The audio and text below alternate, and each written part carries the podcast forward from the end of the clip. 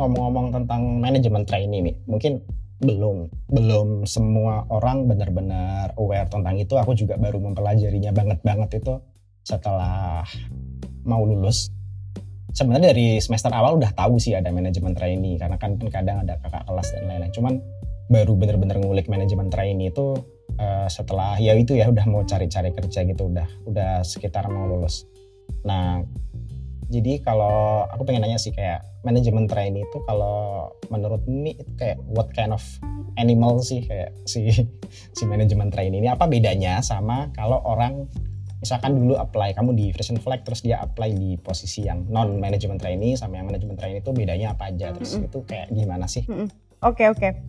uh, jujur pada saat aku pertama kali ya lulus kuliah za gitu. Jadi maksudnya gini, hmm. aku itu pengen uh, sharing uh, di podcast Riza ini bener-bener apa ya, bener-bener from zero gitu. Karena memang yang kita laluin tuh bener-bener start from zero ya za ya. Karena uh, apa ya. namanya yeah. jangan sampai teman-teman tuh ngerasa kayak oh oke okay, uh, ya karena mereka udah misalnya kita udah at this stage itu tuh ya jadinya tahu semua ya enggak lah I mean like pilot juga sekolah gitu dokter juga butuh sekolah sampai akhirnya dia bisa misalnya menerbangkan pesawat dan juga uh, apa namanya hmm. dokter juga udah bisa jam terbangnya tinggi itu kan juga based on experience gitu loh. Jadi uh, manajemen training itu aku juga dulu tuh awalnya sama sekali tidak tahu Zah gitu. Dan apalagi juga pada saat apa ya pada saat aku mendaftar di beberapa job fairs itu pada saat itu ya I, I, I even don't know what management training is gitu tapi memang hmm. uh, manajemen training itu tuh waktu kita waktu saya compare dengan uh, beberapa job vacancy yang lainnya ya pada saat itu itu memang sudah terlihat bedanya tuh in the uh, requirement dan juga job ininya uh, job descriptionnya seperti itu. Jadi mungkin teman-teman kalau bisa nanti ada istilahnya ada uh, vacancy di luar sana dan melihat manajemen training itu akan akan bisa bisa dibilang beda sih dengan let's say uh, product specialist gitu. Nah, hmm. bedanya apa gitu?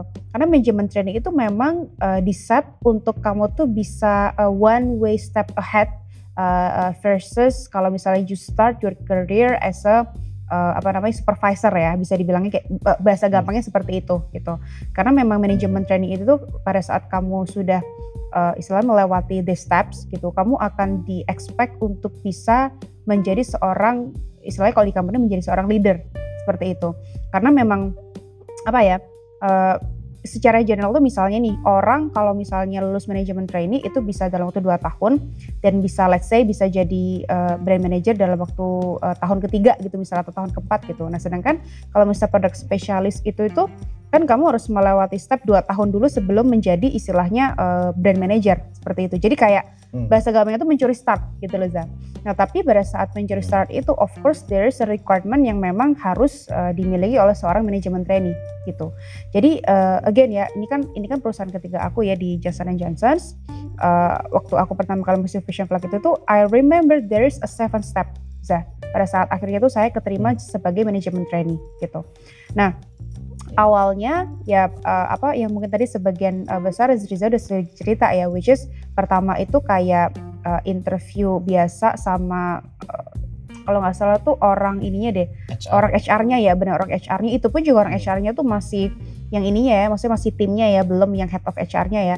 Jadi uh, if I'm trying to recall semoga ingat sih. Jadi pertama tuh kayak uh, apa tim HR-nya kemudian uh, apa head of HR-nya, kemudian uh, ini apa namanya uh, group discussion ya group dis uh, sorry sorry sebelum group discussion itu kalau nggak salah ada wawancara dulu dengan salah satu uh, managers di perusahaan tersebut gitu.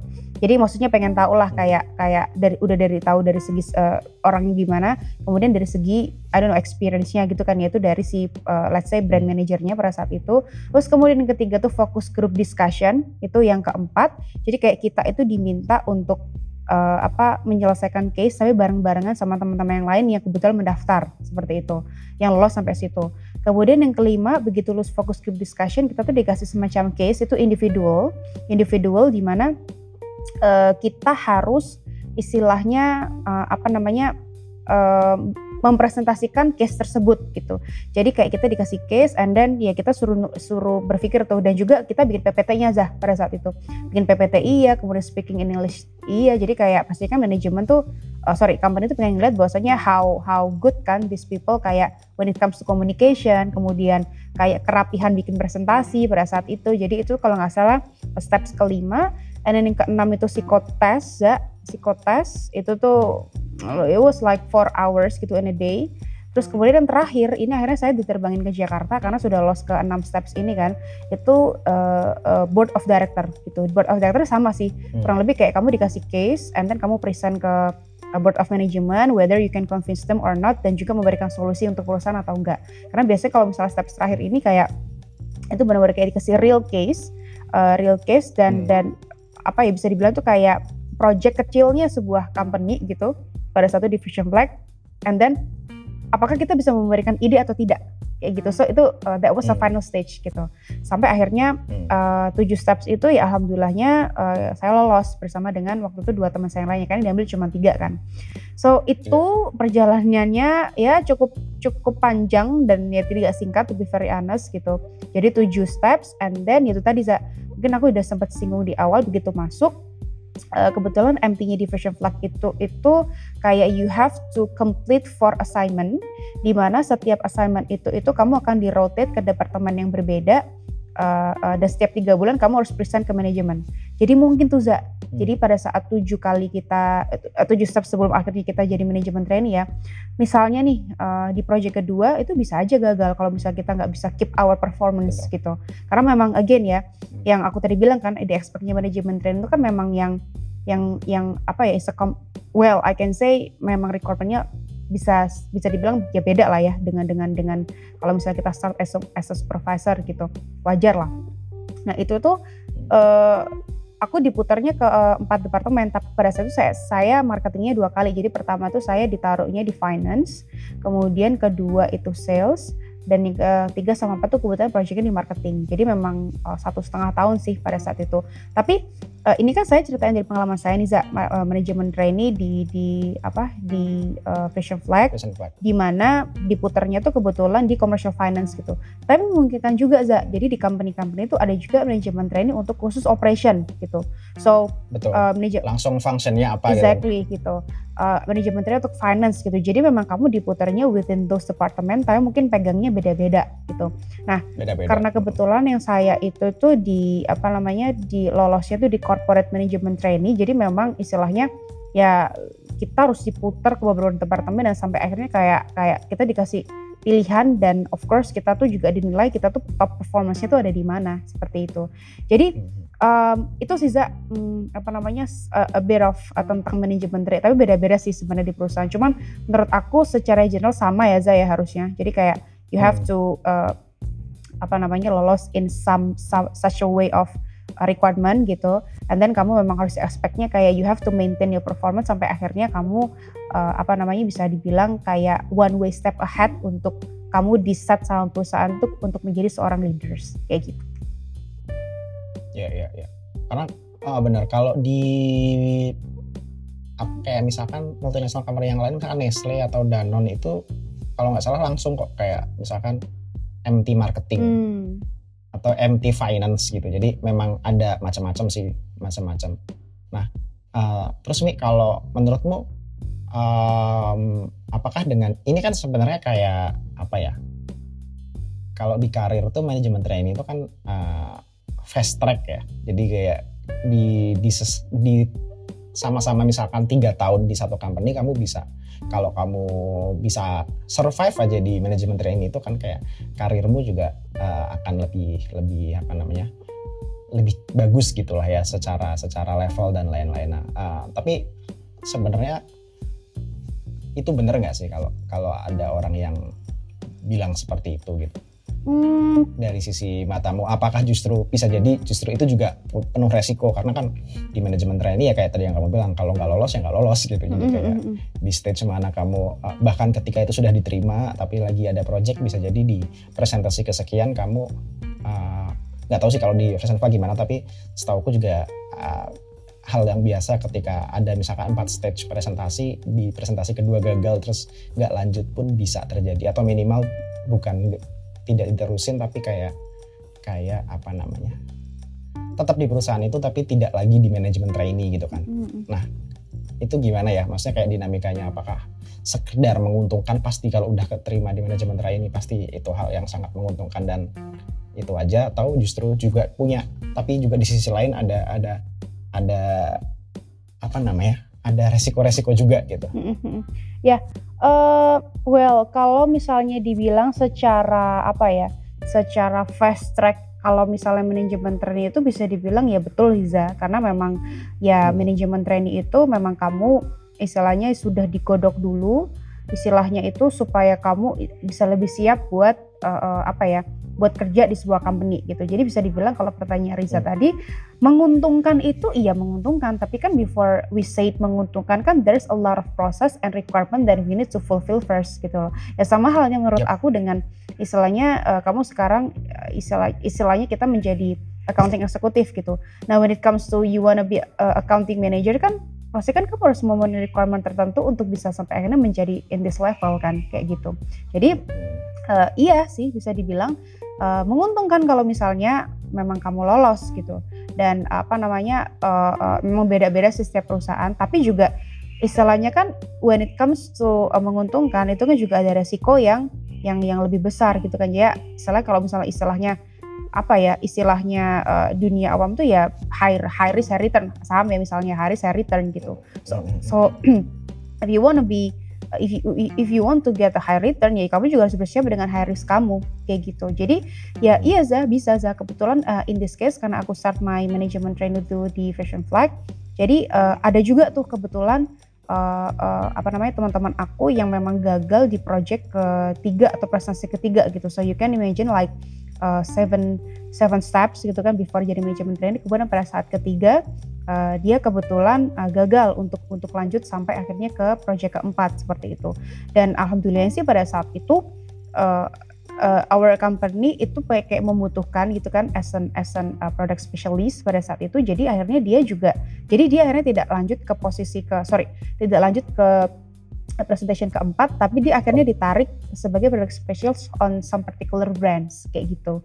Jadi memang Hmm. apa namanya uh, uh, itu juga itu juga sebenarnya ter- ha- could be happens juga gitu di di di apa di sebuah company gitu. Ada juga yang aku dengar dari company lain ya kalau misalnya dia nggak lolos di project ketiga juga ada yang langsung istilahnya nggak bisa kerja di company itu juga ada kayak gitu. Jadi memang itu tergantung sih.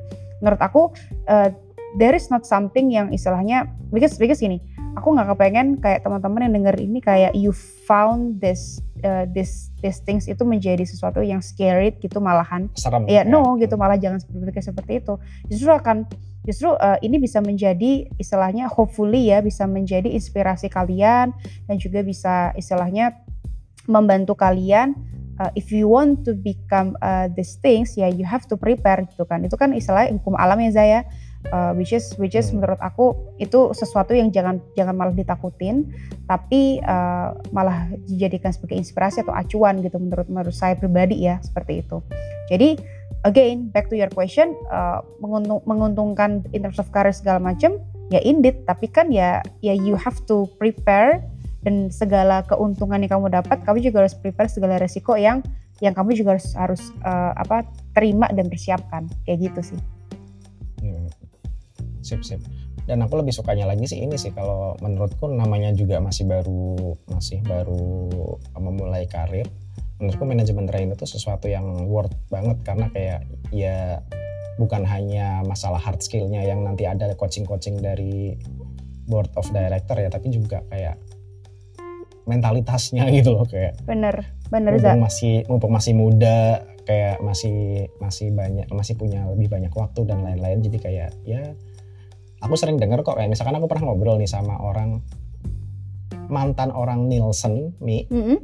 yang saat ini eh, kerja di Unilever. Mm. jadi dia ditarik Unilever tadinya di, sebagai aku lupa market research apa consumer research gitu.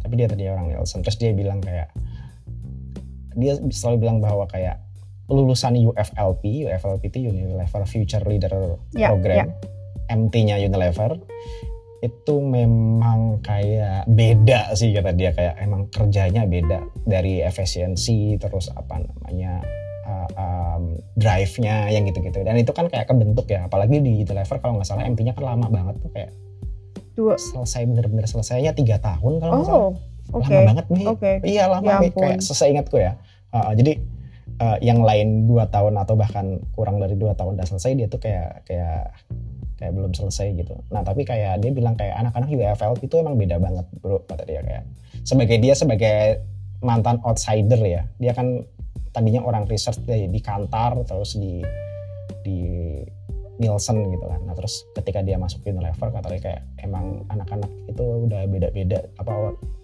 kayak makhluk yang berbeda gitu gitu sih. Jadi kayak kalau aku sih kalau kalian punya kesempatan untuk itu um, ambil aja gitu karena kayak ya buat kalian sendiri kok Iya, keuntungannya iya. gitu kan. Experience experience itu yang memang um, menjadikan kita ya pelajaran ya Zah ya gitu loh. Jadi uh, Mhm. bener sih bener sih. Mungkin mungkin bisa dibilang uh, relate ya sama yang tadi aku juga ceritakan gitu. Bahwasanya ya ya ya hukum alam sih. Maksudnya if you want to be uh, in in in this kind of field ya prepare first gitu karena menurut aku sih nggak ada salahnya sih untuk terus terus belajar gitu karena memang Hmm. um, apa itu akan istilahnya insya Allah akan terresult dengan outcome-nya juga kayak gitu. Hmm. Oke oke oke. Nah ini mungkin salah satu hal yang ditunggu atau yang bagus buat teman-teman yang mungkin masih kuliah atau fresh graduate. Nah um, kalau ini nih uh, untuk teman-teman yang masih fresh graduate atau yang mungkin juga masih kuliah yang ngedengerin ini, um, ada nggak dari saran dari kamu kayak ya baratnya apa ya tips and trick buat mereka itu untuk bisa apa namanya uh, lolos di manajemen trainee atau juga mungkin juga tips and trick untuk bisa menjadi brand manager gitu. Jadi ada dua pertanyaan ya Mm-mm. di manajemen trainee-nya sama uh, sebagai brand manajernya. Mi. Mm-mm. Kalau kamu uh, ini untuk teman-teman yang masih fresh graduate Mm-mm, gimana? Mi? mm-mm. Oke, Em, kalau misalnya ada dua pertanyaan ini sih sebenarnya tadi juga aku udah sempat sedikit kurang lebih sedikit banyak cerita ya saya di atas ya. Dan kebetulan juga pada saat aku uh, ya mungkin aku uh, sorry ya agak cerita sedikit. Jadi sebelumnya aku juga pernah sharing mengenai hal ini di di kebetulan waktu juga saya sempat jadi pembicara za di salah satu universitas juga. Hmm, Terus saya sampai nangis za. Nangisnya ke- Kenapa tuh? Ya, nangisnya kenapa? Karena itu tuh saking ini bener ya, maksudnya comes from my heart bahwasanya aku tuh pengen bener-bener teman-teman yang fresh graduate itu tuh buat jangan menyerah gitu loh. Karena tuh karena aku Hmm. udah murah ada mewek lagi nih, Zah. Jadi Ya, ya, maksudnya kayak um, worlds are are changing right now gitu loh. Uh, apa kalau misalnya kita istilahnya nggak survive, kita nggak mempersiapkan, ya itu pilihan sih sebenarnya. Apakah kita mau istilahnya mau kita berada di zona nyaman atau kita itu mau istilahnya uh, out of our comfort zone seperti itu. Jadi pokoknya itu pesan aku adalah never stop learning. Never stop learning, literally never stop learning.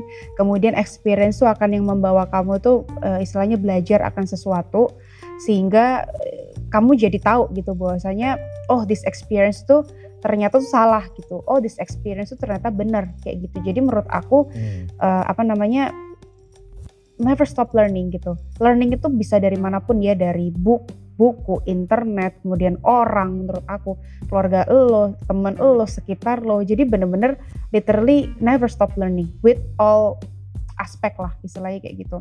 Hmm. Terus kemudian uh, apa namanya itu yang harus dipersiapkan ya. Jadi kayak never stop learning. Pokoknya keep trying and trying. Dan pastinya kan nomor nomor zeronya doa ya Zaya. Karena kan ya jangan janganlah janganlah ada doa tanpa usaha dan jangan ada usaha tanpa doa gitu kan ya. Ini aku jadi kayak ceramah Hmm. gitu kan ya Za. Cuman uh, Iya. itu itu bener banget gitu Za. Jadi uh, ya, ya. doa nomor satu zero eh, eh, sorry doa itu nomor zero and then usaha never stop learning itu merupakan menurut aku satu paket gitu ya so that's first kemudian kedua tadi sebenarnya uh, a whole package-nya aku sudah cerita ya. Jadi kayak yang harus dipersiapkan adalah if you want to become uh, uh, apa namanya working in a multinational company yaitu tadi kayak soft skill-nya mengenai communication kemudian up to trends kemudian learn English speak English itu tuh adalah hal-hal yang sangat basic yang harus kamu lakukan pada saat kamu uh, persiapkan lah ya. Pada saat kamu uh, wanna work in multinational company kayak gitu. Karena uh, apa namanya specifically untuk brand marketing juga atau brand managers itu tadi juga sempat aku singgung di atas ya sebelumnya Za, which is uh, research, insight, terbuka, uh, open minded semuanya tuh requirement banget pada saat if you want to become a, brand marketing. Seperti itu. If you want to become a banker gitu. Ya banker kan juga ini ya uh, apa namanya luas ya. Banker kan ada ya banyak ya. Ada hmm. kredit hmm. ada ada apa namanya uh, accounting tax relationship manager and whatsoever gitu kan ya. Itu pun juga apa namanya uh, uh, ya belajarlah gitu. Maksudnya uh, persiapkanlah itu sesuai dengan istilahnya uh, uh, apa field yang mau kamu tuju kayak gitu. Karena kalau misalnya bisa dibilang marketing tuh agak sedikit dia well bukan abstrak ya Zaya. Tapi memang uh, lebih kebanyakan science and art yang tadi Riza bilang gitu loh. Jadi paling nggak itu dulu yang yang yang harus di sebagai seorang brand marketing. Tapi kalau misalnya mau menjadi bankers gitu kan ya ya itu tadi gitu. Berarti kan harus analisis datanya kuat uh, and so on seperti itu. Dan kalau misalnya kamu mau menjadi uh, apa namanya other things gitu ya pokoknya intinya following aja sesuai dengan uh, istilahnya requirement yang dituju oleh si si apa si uh, field atau position tersebut gitu. Tapi itu sih Za kalau bisa bisa dibilang uh, secara general uh, brand marketing. Kalau misalnya kalau misalnya MT sih tadi aku juga udah sempat sedikit ceritakan kan bahwasanya seven step gitu kan kebetulan pada saat itu. Terus kemudian uh, uh, uh, uh, uh, menurut aku sih harus dari dari kita sendiri yang misalnya confidence bahwasanya oke okay, I can do it. Kayak gitu sih. Itu tuh itu itu apa namanya hal-hal yang mungkin tidak ada di paper tapi mungkin bisa didengarkan dari orang-orang yang istilah di sekitar kamu. Kayak gitu sih ya terus mungkin ini ya kali ya We. kamu kan kebetulan di mana? Di pernah di saat kuliah kan di organisasi yang internasional itu? Mm -hmm. Mm -hmm. ISEC ya?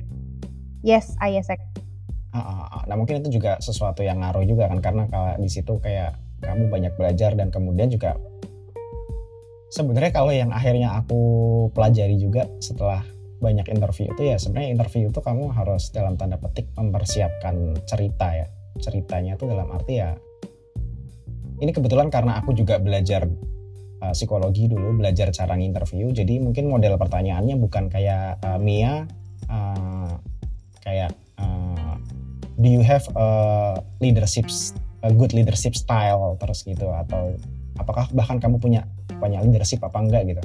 Pertanyaannya tidak akan seperti itu tapi lebih kepada kayak Mia pernah nggak kamu ngemimpin terus pas ngemimpin itu situasinya seperti apa? Tugas-tugasmu apa aja? Actionmu apa? Resultnya apa? Jadi yang ditanyain hal-hal yang kayak memang sudah terjadi.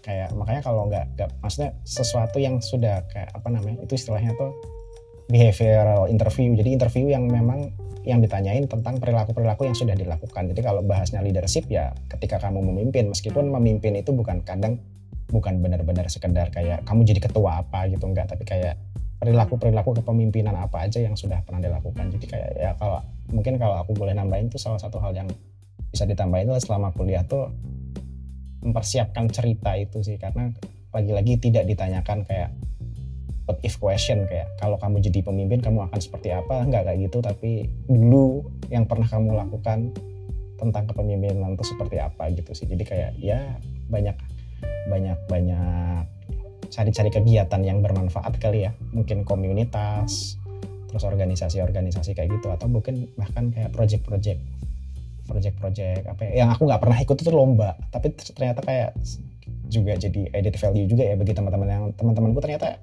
banyak yang cerita tentang lomba-lomba dia apalagi yang orang-orang tech gitu kan kayak lomba robot gitu sampai US gitu gitu kan kayak wow itu kan kayak nilai tambah banget. Jadi kayak mungkin kalau aku boleh nambahin itu sih kayak mempersiapkan cerita sehingga ketika interview atau apa apa tuh kayak kayak itu bisa menjadi bekal. Toh juga setelah kerja itu kan kaitannya sama organisasi setelah kerja itu kan juga kebanyakan ya isunya itu di project management kan. Nah project management itu kan belajarnya ya, waktu bener. mungkin kita bikin event atau apa gitu kan. Jadi kayak nah justru di situ sih kayak mungkin banyak belajarnya tentang apa uh, tentang project management. Sampai segini juga kamu udah jadi head jadi vice president juga tetap dalam tanda petik kan masih masih pasti ada sesuatu ya. Apa tetap ada project management tentunya skillnya tentu beda gitu ya. Tapi maksudnya kayak selalu ngehandle selalu harus berkaitan sama apa namanya uh, memanage uh, darcinya gimana terus apa namanya timelinenya gimana ya hal-hal yang kayak yang yang suka kalau menurutku salah satu perkaranya di project management itu kan hal-hal yang ketidakpastian ya tiba-tiba ada apa, yeah, tiba-tiba ada bener. apa, tiba-tiba ada apa gitu kan. Kayak kita udah menyiapkan timelinenya seperti ini, seperti ini, seperti ini, seperti ini, seperti ini. Ternyata tiba-tiba ada stakeholder yang mundur atau tiba-tiba ada apa, ada apa. Nah itu kayak ketidakpastian itu kan uh, kalau memadankannya saat zaman kuliah ya mungkin pas bikin event kali ya. Tiba-tiba sponsor nggak jadi ngasih gitu-gitu jadi gitu sih mungkin kalau aku boleh nambahin ya, seperti itu. Tadi bener banget sih Za, yang apa yang uh, Riza bilang tuh uh, kita jadi banyak belajar juga ya sama Riza ya. Bahwasanya eh, hal-hal uh, yang aku tadi juga bilang never stop learning, kemudian keep trying itu tuh adalah ya ini merupakan merupakan apa ya salah satu kesempatan juga kalau misalnya ya itu mungkin uh, konteksnya fresh graduate nggak uh, bisa ngulangin pada saat dia di di experience di kampus ya Za ya. Tapi hmm. uh, apa namanya buat teman-teman yang istilah belum fresh graduate itu tadi sih bener banget Za yang kamu bilang karena aku dulu juga pada saat di kampus tuh ikut-ikutan ya semacam event, terus kemudian ikut-ikutan semacam organization, semacam itu. Karena memang dari situ tuh kamu jadi juga belajar mengenai soft skill aku tadi bilang di awal Za. Karena kan tadi kan uh, Riza juga sempat uh, kita kan juga sempat diskusi bahwasanya apa sih istilah challenge kamu itu tadi how you handle the stress, how you handle the the apa namanya the peoples dan itu kan bisa kamu dapatkan pada saat kamu istilahnya uh, apa ya di field langsung kayak gitu apalagi nanti pada saat you're become a brand marketing ya ini tadi gitu kamu akan ketemu sama banyak orang various people dan kamu kudu bisa apa namanya manage manage orang-orang tersebut gitu loh manage stress kemudian itu tadi tiba-tiba vendor gak jadi yang udah diceritakan itu kayak gimana solusinya segala macam so itu hal-hal yang istilahnya I think uh, it's valuable banget ya Zaya bagi kita pada saat zaman-zaman yeah. kuliah tuh ikut-ikutan uh, ikut-ikutan seperti itu gitu. Kayak kalau kayak istilahnya you don't have to uh, ikutan lomba yang harus gimana-gimana kalau misalnya you don't want to gitu. Tapi paling nggak kayak experience experience ya event-event kecil kampus gitu lah Zaya. Itu cukup cukup membantu hmm. sih. Karena pada saat memang bener banget yang Riza bilang uh, pada saat di interview pertama kali karena kita fresh graduate kan belum punya pengalaman kerja. Jadi kan yang ujung-ujungnya ditanyain oh. kan tentang pengalaman kuliah za ya. Pengalaman mengenai hmm. dulu ikut pernah ikut organisasi apa aja, dulu pernah ikut event apa aja di kampus dan hal-hal itu yang mungkin bisa kita ceritakan gitu. Uh, uh, buat buat pada saat hmm. uh, pada saat kita fresh graduate ya Zaya. Hmm. Karena kan nggak bisa tuh, saya menilai. Misalkan hal kalau di MT nih kasusnya di MT kan salah satu hal yang pasti dilihat tuh kan leadership ya. Karena nantinya pasti ngelit tim nah jadi kayak ya gimana mengukur leadership kalau kita nggak pernah uh, terlibat dengan hal-hal yang uh, apa namanya uh, berkaitan dengan itu gitu lah.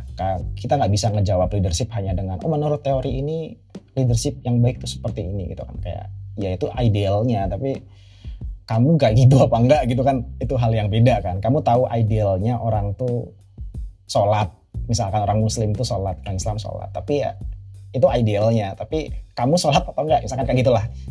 Salah salah satunya gitu. Idealnya orang tuh jadi pemimpin mendengarkan bawahan. Kamu saat jadi pemimpin ngedengerin nggak gitu kan? Nah, itu hal-hal yang hal-hal yang ditanyakan tuh yang semacam semacam itu sih. Sehingga makanya kalau di istilah interview itu namanya ini apa? Behavioral behavioral event interview. Jadi ya, interview tapi yang ditarik tuh yang ditarik tuh sisi sisi-sisi yang memang kita sudah melakukannya bukan lagi yang tentang visi gitu bukan tentang visi tentang aku aku akan begini. Makanya kalau di model pertanyaan seperti itu nggak akan ada what if question tuh. Uh, kalau ini terjadi kamu akan melakukan apa gitu? Kayak itu jarang. Ya kalau user suka nanya sih tapi kalau HR dan HR-nya pinteran dikit gitu ya nggak jarang sih nanyain hal-hal gitu. Kayak kalau ini terjadi kamu akan seperti apa? Karena itu nggak nggak valid kalau cuman what if what if gitu. Tapi kalau yang sudah pernah terjadi dan orang tuh gampang ketahuan bohongnya kalau menceritakan sesuatu yang uh, historical. Karena kalau kamu sekedar karena kalau historical itu kan kamu sebenarnya hanya butuh mengingat ya. Nggak butuh berimajinasi. Jadi kayak kalau kamu pernah memang pernah melakukannya jawabanmu akan lebih lancar jawabannya lebih spesifik dan lain-lain gitu sih. Jadi kayak uh, makanya pas zaman kuliah tuh aku ingat banget karena dulu kan aku kuliahnya psikologi terus taunya orang-orang bakal ke HR kan. Nah itu uh, arahnya ke situ sih lebih banyak ke pertanyaan-pertanyaan seperti itu. Ya metode yang lebih banyak dipakai yang seperti itu. Hmm, hmm, oke sih Pip hmm. oke lah sih Mi pertanyaan terakhir nih Mi oke. Okay. pertanyaan terakhir Kau udah kau udah berakhir kamu, banget sih, Za? Cepet amat. Oh. iya, nggak nggak kerasa ya. Nggak kerasa banget ya. Ternyata udah satu jam lebih loh. Oh, oke. Okay. Ini ngobrolnya. Iya dan dan apa namanya? Kalau aku lebih khawatir sama handphoneku sih. Jadi karena tadi ada masalah teknis saya butuh menggunakan handphone terus ternyata baterainya belum full. Aduh. Panjang lah ceritanya. Tapi ini pertanyaan terakhir deh, Mi. Seandainya nih, Mi. Seandainya ada mesin waktu. Ini pertanyaan yang sering aku tanyakan ke banyak orang. Seandainya ada mesin waktu terus kamu bisa kembali ke masa lalu bertemu dengan Mia saat masih muda. Dalam ya, Pak? Masih kuliah dalam mas ya saya itu masih kuliah atau masih SMA atau apalah masih muda gitu kayak nasihat apa atau kata-kata apa yang pengen kamu berikan ke Mia muda uh, tentang misalkan tentang menjadi dewasa dan tentang atau tentang karir ini Mi. Zaku masih muda loh Zah sekarang Zaku berasa tua banget gitu ya ya Allah ya Allah iya tapi maksudnya oke okay, Mia sangat muda Mia lebih sangat muda, muda lebih muda kali ya iya lebih muda iya Oke, okay. um, kalau misalnya pada saat masih kuliah dan juga sekolah, aku tuh, well, mungkin cerita sedikit kali ya. Aku tuh bisa dibilang anak yang ya, ya bukan bermaksud untuk kredit myself ya Zaya, tapi memang aku itu hmm. orangnya bisa dibilang itu termasuk apa ya anak yang nurut gitu. Aku tuh standar-standar hmm. aja dalam arti istilahnya nggak apa ya nggak beng, bengal ya istilahnya ya bahasa ini bengal ya nggak hmm. suka bolos kemudian nggak yang nggak yang istilahnya ya patuh-patuh aja sama sama sama sekolah gitu kan ya you have to do that ya maksudnya Lulus, maksudnya lulusnya cepat ya lulusnya cepat iya lulusnya cepat tiga setengah tahun gitu kan ya uh, uh, dulu fokusnya cuma sekolah itu olahraga basket kemudian uh, apa namanya ya bersama zaman zaman kuliah itu tuh suka nongkrong sama teman-teman tapi gini uh, pesan buat Mia yang lebih mudah gitu. Thank you ya kamu udah um, ngelewatin fase ini gitu. Thank you ya kamu sudah istilahnya being a good uh, a good a good girl ya. Dalam arti kayak you can survive gitu. Whatever whatever reason and whatever happens uh, that happens in your life at that uh, at that time gitu. Kayak finally you you survive gitu. Which is um, apa namanya terima kasih kamu sudah misalnya hanging on sampai sekarang. Kemudian terima kasih kamu sudah terus belajar. Uh, terima kasih kamu sudah terus berusaha sampai akhirnya kamu bisa di stage sekarang gitu. Uh, tidak ada yang salah dan tidak ada yang benar dalam dalam apa pun yang kamu sudah lakuin pada saat-saat uh, you are uh, in a young age gitu. Dan apa namanya? Uh, thank you juga kamu dari istilahnya berusaha mandiri uh, apa pun itu itu akhirnya itu jadi bisa buat bekal sampai kamu sekarang in your own career and and in also on your uh, own own uh, personal life seperti itu karena memang istilahnya uh, tidak mudah memang melalui semua stage ini but you did it gitu you survive gitu at the end jadi menurut aku uh, thank you to to myself uh, uh, itu tuh merupakan hal yang aku pengen sampaikan ke Mia yang muda dulu gitu. And then maybe uh, yang kedua adalah hmm, apa ya? Dari dari pengalaman-pengalaman itu itu tuh akhirnya kamu bisa ini ya Mia ya, kamu jadi bisa tahu uh, bahwasanya apa yang kamu mau. Seperti itu. In your career, hmm. kemudian in your personal life of course gitu. So you you you can you know you are able to appreciate other people. You are able to hearing uh, the people. You are able to more and more understanding people. So uh, I mean like thanks Mia. You're not you know, apa namanya you're not choosing a wrong choice you wrong path. Karena dari uh, your career right now yang sudah kamu pelajarin istilahnya dari pengalaman hidup pribadi dan juga pengalaman karir gitu ya atau pengalaman kuliah, pengalaman SMA itu ternyata makes you stronger sampai sekarang seperti itu. Karena ini aspeknya bisa luas ya, ya, bisa uh, in Hmm. personal, in your career juga gitu. Karena kan balik lagi aku sedikit cerita menyinggung uh, kalau misalnya sekarang thankful to Mia dengan segala pengalaman jungkar baliknya dulu di bawah sampai akhirnya sekarang itu tadi kayak kamu uh, kamu menjadi uh, apa namanya terus terus masih terus berusaha menjadi manusia yang lebih baik gitu. Jadi itu yang akan sangat membantu kamu uh, uh, in your own career about marketing, which is insight, people, semuanya ya tak Za ya, time management, project management, itu yang itu yang uh, akan akan apa namanya uh, akan kamu laluin dan akan terus akan kamu pelajarin gitu. So Mia, uh, never stop learning and thank you for the past and let's you know let's um, continue the journey with with Mia right now. Gitu Za. Siap, thank you, keren keren keren keren. Jadi lebih banyak thank you-nya ya, appreciate-nya ya. Yes, of course, of course. Thank you. Sip, sip ya. Oke, thank you, thank you Mi udah mau ngobrol Thank you Za, thank you banget. Heeh, semoga Mas Riza. bermanfaat buat yang mendengarkan dan juga bermanfaat buat kita sendiri karena mungkin ini jadi self reflection Ya. gitu kan jadi kayak kita sudah apa ya kayak aku udah di step ini loh dari dulu dengan penuh pahit ketirnya kan nggak semuanya berjalan dengan manis juga kan jadi kayak ya oh, kayak oke thank you buat lagi-lagi sekali lagi thank you buat Mia atas semua insight-nya ini Thank you Za. Semoga your professional life and your personal life juga makin makin bagus, makin bisa disyukuri Amin. gitu lah. Makin banyak yang bisa dipelajari gitu sih. Amin. Oke Mi, thank you, Thank, you so much Za. Thank you semuanya. Semangat. Dah. Dah.